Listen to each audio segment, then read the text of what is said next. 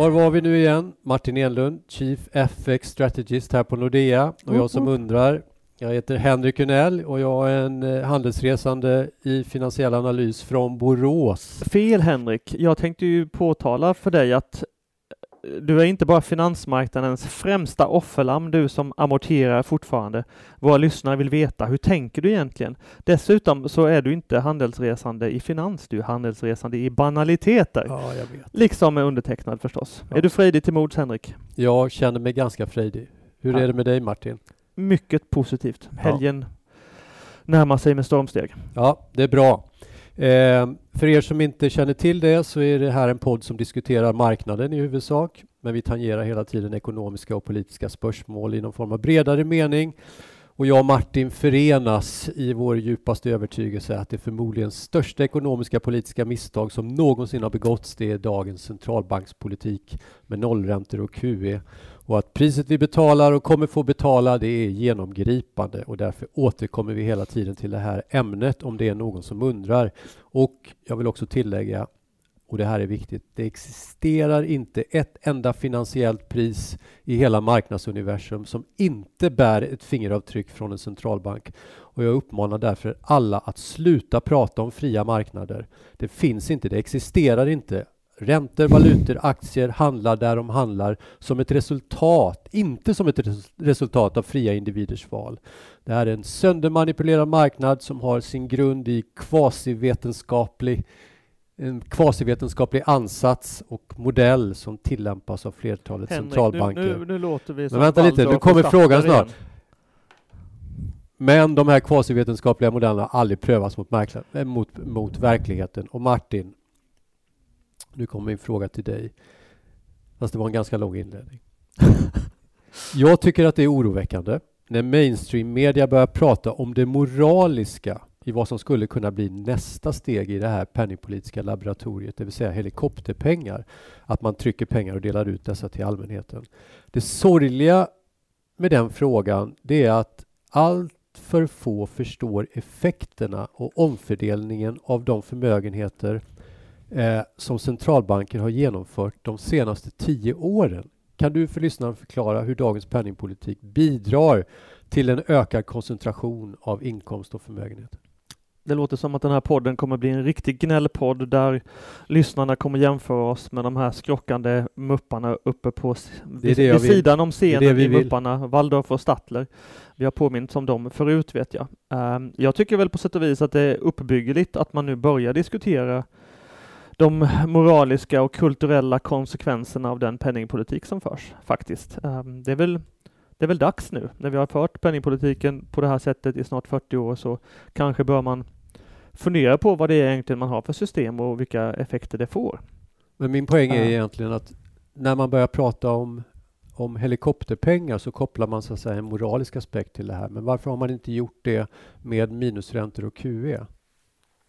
Klassintresset ljuger inte, skulle en vänster, vänsterist eller en Ja, vänsterperson de, inte ens säga. de identifierar ju det här problemet. Jonas Sjöstedt har ju inte uppmärksammat att det är hans väljare som får betala priset för det som sker nu.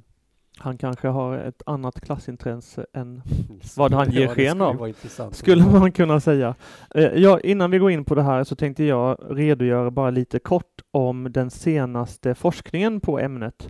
Um, för jag är på något sätt, eh, befinner mig ibland djupt ute på djupt vatten, uh, långt ute på djupt vatten när jag sitter och tittar på vad centralbankirer och akademiker fnular på på sina dunkelt upplysta kammare.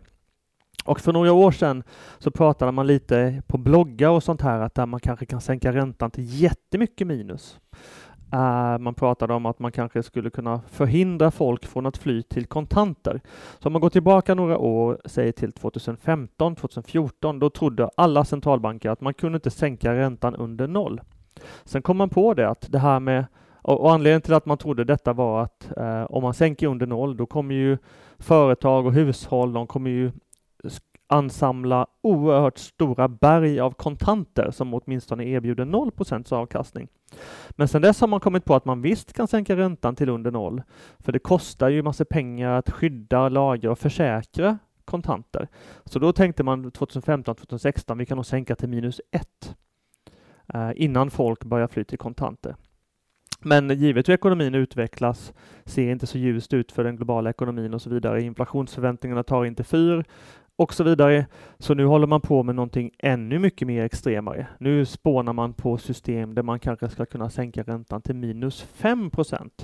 Helt enkelt genom att eh, avskaffa kontanter eller genom att införa en växelkurs mellan e-kronor så att säga eh, och eh, vanliga pengar. Om till exempel Uh, om till exempel kontanter tappar 5% av sitt, sitt, värde per år jämfört med e-kronor eller digitala slantar, så tror man då från centralbankshåll, från akademiskt håll i alla fall, att man kanske kan ha styrräntor på minus 4.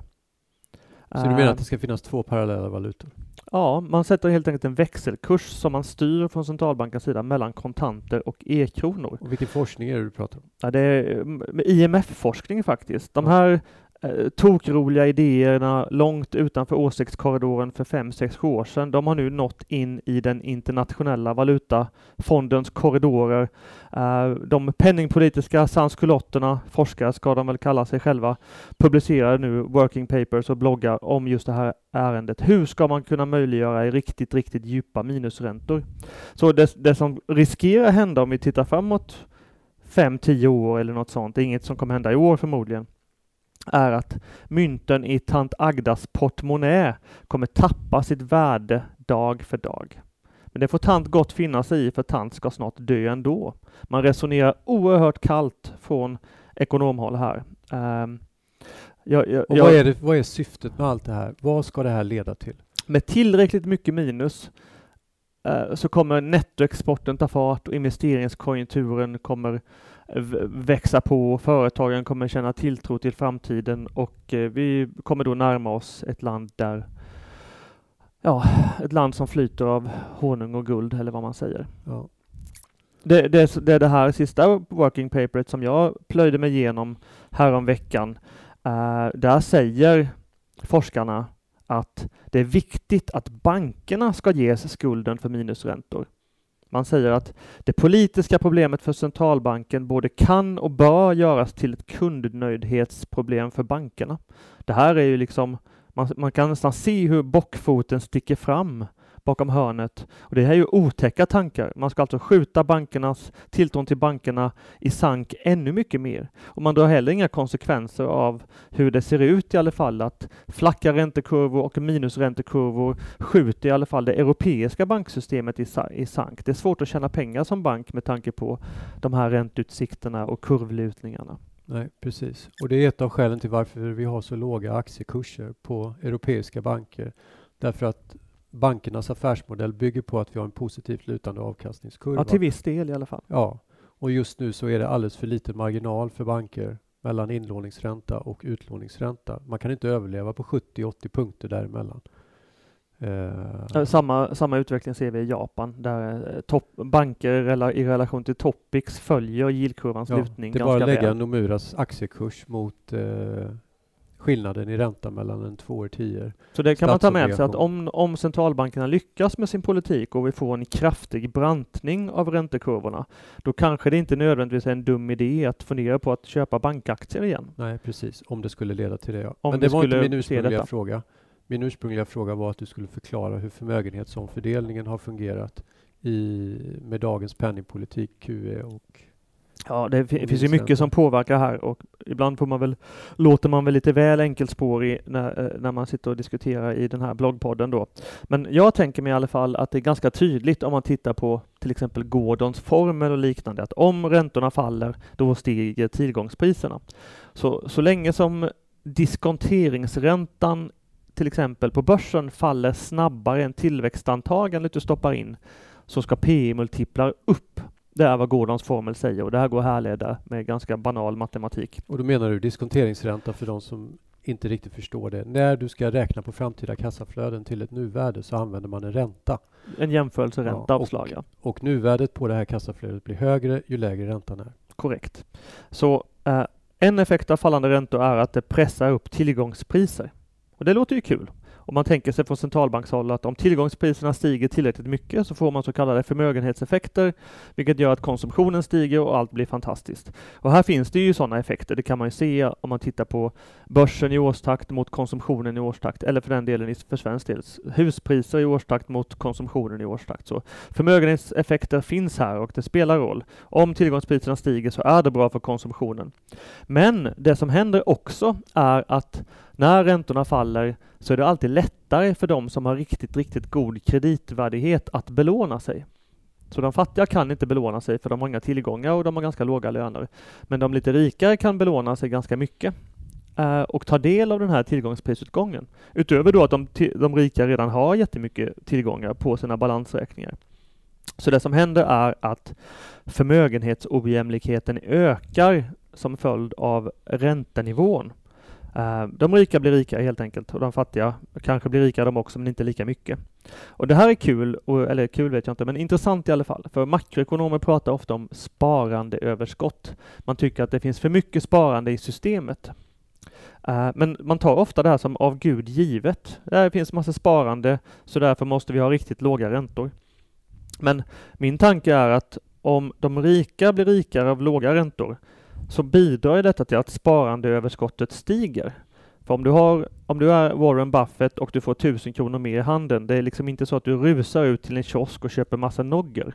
Men en eh, fattigare människa som får 1000 kronor i handen, han skulle sätta fart på de pengarna direkt. Så stigande förmögenhetsojämlikhet leder till att eh, tidspreferenserna faller, vilket eh, betyder att man sparar mer. Systemet sparar mer ju mer ojämlikheten ökar.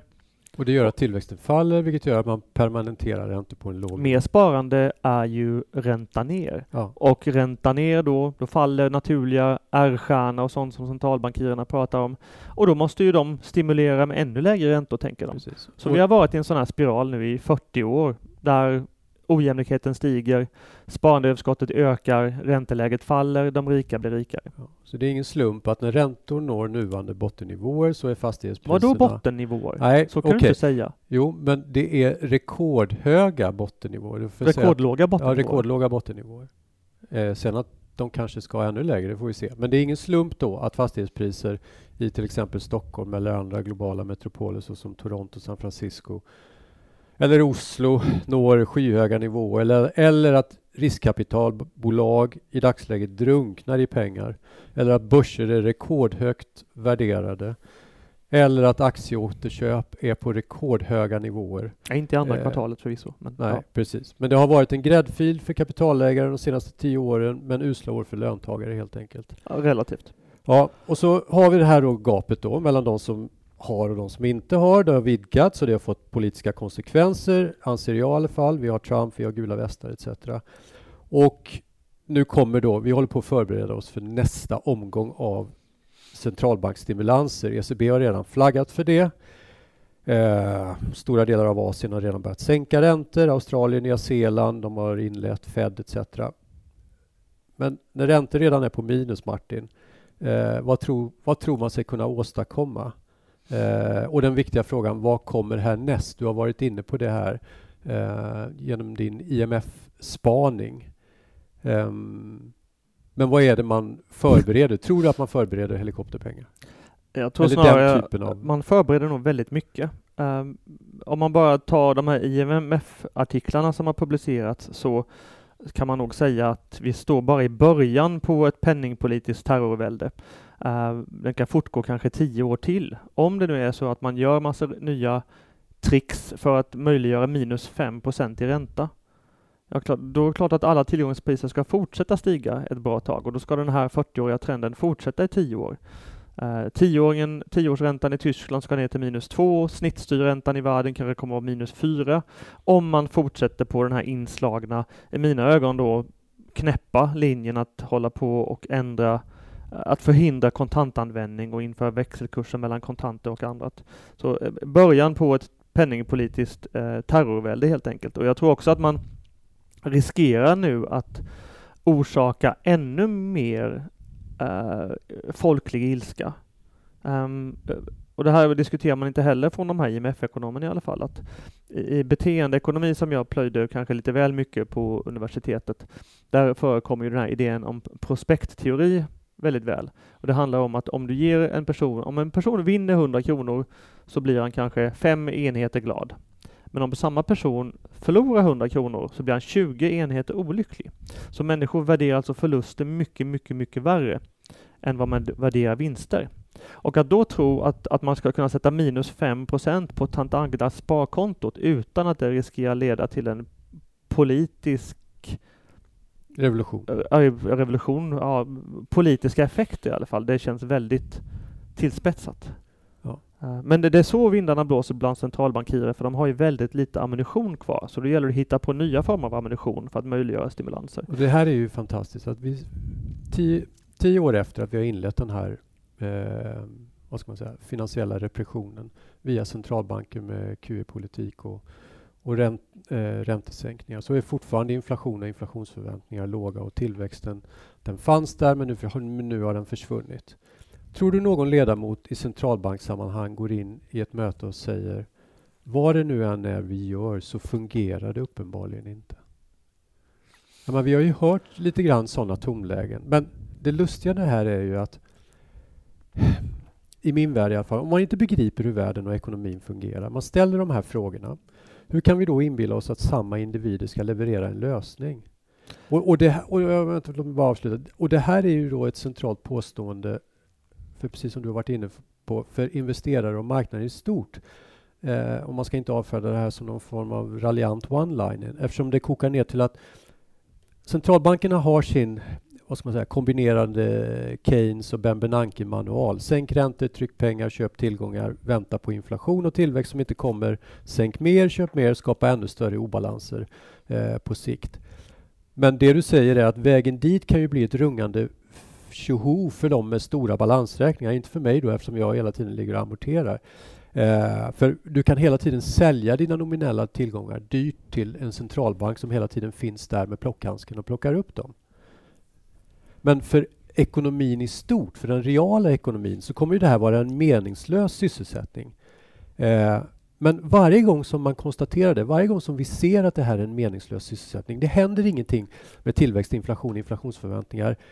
Det tar bara centralbanken som en indikation på att den gör för lite. Skulle någon föreslå kanske, som vi gör, varför inte byta piller? Ja, då ryter de bara till och sliter fram hundra stycken av samma piller och säger att det var mängden det var fel på, det var inte medicinen i sig. Jo, lite så är det ju. Och i min värld, vilket vi har varit inne på, på och där centralbankerna ändå får kritik, men de låtsas som att den inte existerar. Centralbankerna har ingen trovärdig forskning att falla tillbaka på. De har inga relevanta tolkningsscheman och det värsta av allt, de har ingen intellektuell nyfikenhet eller vetenskaplig öppenhet att vilja ifrågasätta sina egna slutsatser. Det är ju därför som vi kommer få ECB We will do whatever it takes, del två, Zoom playing at a Jag tror det finns you. lite inbyggt i systemet där. Jag läste en artikel från en svensk sociolog för fem år sedan, Charlotte någonting någonting. Hon menade att svensk sociologi var förvånansvärt insulär. Hon hade tittat på hur sociologer citerade varandra. Och det visade sig att svenska sociologer citerade bara svenska sociologer. Ingen utanför Sverige hade hört talas om svensk sociologisk forskning. Så det var ju en ekokammare av rang, tyckte den här sociologen då, Charlotte någonting vad hon nu hette. Eh, väldigt intressant artikel och tänkvärd. Jag tror väl i någon mån att liknande fenomen finns inom nationalekonomis gråt. För att göra karriär så måste du ägna dig åt extrem eh, matematisk gymnastik med i grunden felaktiga antaganden. Eh, med, med, man måste låtsas om som att den här idén med stabila preferenser, att den faktiskt funkar för att komma någon vart. Och när du väl har kommit någonstans i karriären att då byta spår och säga att allt du har forskat på i 20 år, det gör man inte så lätt. Så det tar nog tid att man kastar ut sådana här eh, paradigmer, även om de går, lever på ångor mer eller mindre. Ja. Man kanske behöver nytt friskt blod, eh, generationsskiften och kriser för att kasta ut den här Precis. nuvarande centralbanksparadigmen. Och jag tycker, jag menar, det är ett sorgligt faktum att individer som normalt sett har ett kritiskt förhållningssätt till andra spörsmål som kanske ligger utanför penningpolitikens domäner. Men, men när deras eget ämne då kommer på tal så hanteras det, precis som du säger, likt ett religiöst trosystem som inte kan ifrågasättas och deras filter går inte att rucka på trots att konsekvenserna av deras politik har genomgripande effekter på samhället i stort. Jag menar, det är ju så enkelt så här. Funkar Q eller funkar QE inte? Nej, det är klart det inte gör det. Det finns faktiskt vissa heterodoxa ekonomer som påtalar detta för centralbanker och det tenderar vara så att när en centralbanksguvernör till exempel har lämnat sin förra centralbank, då kan han börja låta mer kritisk. Mm. Jag såg i dagarna Vitor Constancio som brukade sitta på ECB och leva runt. Han låter nu mycket mer skeptisk till uh, och pratar om avtagande marginalavkastning från penningpolitiska stimulanser och så vidare. Så jag tycker man ska se det här som, som ett tecken i tiden, att det knakar i den globala, uh, i den globala ekonomin. Det, maskineriet funkar inte riktigt som man har tänkt. Uh, det kan vara så att Marx hade en poäng när han pratade om utsugningskvoten, för det är lite den vi varit inne på här, fast med andra ord. Mm. Kanske har utsugningskvoten börjat nå vägs ände, och det vi ser med de politiska skiften vi ser med Trump, Brexit, Salvini, Uh, eh, MMT-folket, uh, Corbyn i Storbritannien, ärkesocialist, Sanders i Storbritannien som vill dela ut pengar USA. till alla i USA, förlåt. Uh, och även skuldavskrivningar som Elizabeth Warren som vill bli Demokraternas presidentkandidat går till val på. Allt det här är ju tecken på att någonting inte riktigt funkar som det ska i det globala operativsystemet. Um, så jag, jag, tyckte, jag, jag tycker man kanske kan fundera på om inte dagens ekonomi påminner om en dålig Windows-PC från 90-talet. Den blir allt sämre på att göra det man vill att den ska göra och bota om var tionde år i en stor finanskrasch. Så jag som är före detta IT-snubbe funderar då på om man inte ska installera Linux på den här maskinen istället på något vis. Sen om det blir Mises Linux eller Kaleke Linux, det är en helt annan fråga. Alltså det är lite libertariansk Linux eller en marxistisk Linux kan man väl se. Men så som jag ser vindarna blåsa idag så blåser de tydligt åt Kalekis håll. I alla fall i, i USA med MMT-folket som lever runt där. Så det kommer ske stora förändringar, är min gissning om vi tittar framåt tio år. Ja. På hur global penningpolitik och finanspolitik implementeras. Och det är lustigt att alla de här ekonomiska miraklen som vi brukar hänvisa till när det gäller Sverige, när det gäller Kina och så vidare, det handlar ju ofta om att krediten accelererat. Och det är ofta så att vi blandar ihop korten och misstar tillväxt för ökad kredit. Och problemet i dagsläget är att visst, företagen utnyttjar de här låga räntorna som serveras av centralbankerna, men inte för investeringar och expansiv capex, utan för att köpa tillbaka aktier. Och det är ju dels ett tecken på att företagsledningar de ser ingen affärsmässig vinning att investera kapitalet. Man lånar pengar för att använda det till aktieåterköp. Ja, men man kan, det är jättebra deal för dem, för de kan erbjuda avkastning utan att ta någon ekonomisk risk. Precis. Det men blir det en finansialis finansialisering av alltihopa. Men det jag menar är att eh, centralbankerna vill ju ha en stigande aggregerad efterfrågan med de här låga räntorna och svag capex, det är ju ett det är ju en indikation på att man inte ser någon investeringsmöjlighet eller man ser egentligen ingen ökad slutefterfrågan. Och har du svag capex, alltså svaga investeringar, så kommer det ge lägre BNP, det kommer ge lägre inflation och det kommer ge en lägre eller det kommer ge en permanentering av låga räntor. En, en tanke man kan ha med sig här att om vi extrapolerar den här räntetrenden som varit fallet sedan 1980, då kommer mm. vi ha styrräntor på minus 4% om tio år. Och om vi har styrräntor på minus 4 då kanske till exempel ett fastighetsbolag kan finansiera sig på minus 3,5 procent. Mm. Det betyder då att man kanske ska få betalt för att bo i en fastighet. Mm. Det finns så mycket som är absurt med de här tendenserna. Det strider mot folkviljan och, eller mot folks sätt att se på hur saker borde funka. Så jag tror att det här är oerhört farlig, farligt sprängstoff att gå vidare ja. med. Och jag tog fram den här grafen på ett morgonmöte häromdagen som Eh, Bank of England publicerar en tidsserie från 1703, det är en genomsnittlig tioårsränta i Storbritannien från 1703, mind you, 320 år nästan, av eh, nivån på en tioårig statsobligation i Storbritannien. Den har aldrig varit så här låg som den är i dagsläget, ner mot noll. Och då kan man tänka sig att man har man överlevt ond bråd död under 320 år. Det har varit Napoleonkrig och det amerikanska frihetskriget. Men Henrik, nu har du en snäv historiesyn. Och vad är det som får den på fall? Jo, en och en halv procents inflation. Vet du vad som skulle lös, kunna lösa hela den här gordiska knuten av minusräntor och förtvivlade centralbanker? Det är att man erkänner att låg inflation, det är inget dåligt. Det är någonting som är bra. Släpp det där ja. Släpp det! Precis. Ni är helt ute och seglar. Jo, men ISLM-modellen Henrik, den är så viktig. Uh, jag tror faktiskt att man kan utöka den här bilden till 1703 och man kan gå tillbaka till 5000 år. Neandertalarna hade mycket högre räntor till och med. Mm. Allt som har hänt sedan dess. Uh, aldrig har vi haft så låga räntor som vi har haft idag. Martin. Jag tycker vi avslutar med några spaningar om Sverige. Ja, du måste göra det. Lite Riksbanken bara. Ja, säg. Så, uh, nu har, såg jag i, för några veckor sedan Ingves på semester. Och när jag såg Ingves på semester, alltså jag såg honom inte personligen då, utan jag såg att han hade varit intervjuad i en finsk tidning, Vasabladet. Han såg inte ut som en man som var redo att höja räntan. Och nu när jag funderat vidare på det här och, och sammanfattar statistikskörden i Sverige sista, under sommaren, då tror jag nog att, att eh, Ingves syn har blivit än mer eh, eh, oroad, eller vad man ska säga. Eh, jag tänkte på den här tavlan av Edvard Munch, Skriet. Så tror jag Ingves ser ut nu när han återvänder till sitt jobb på Brunkebergs torg.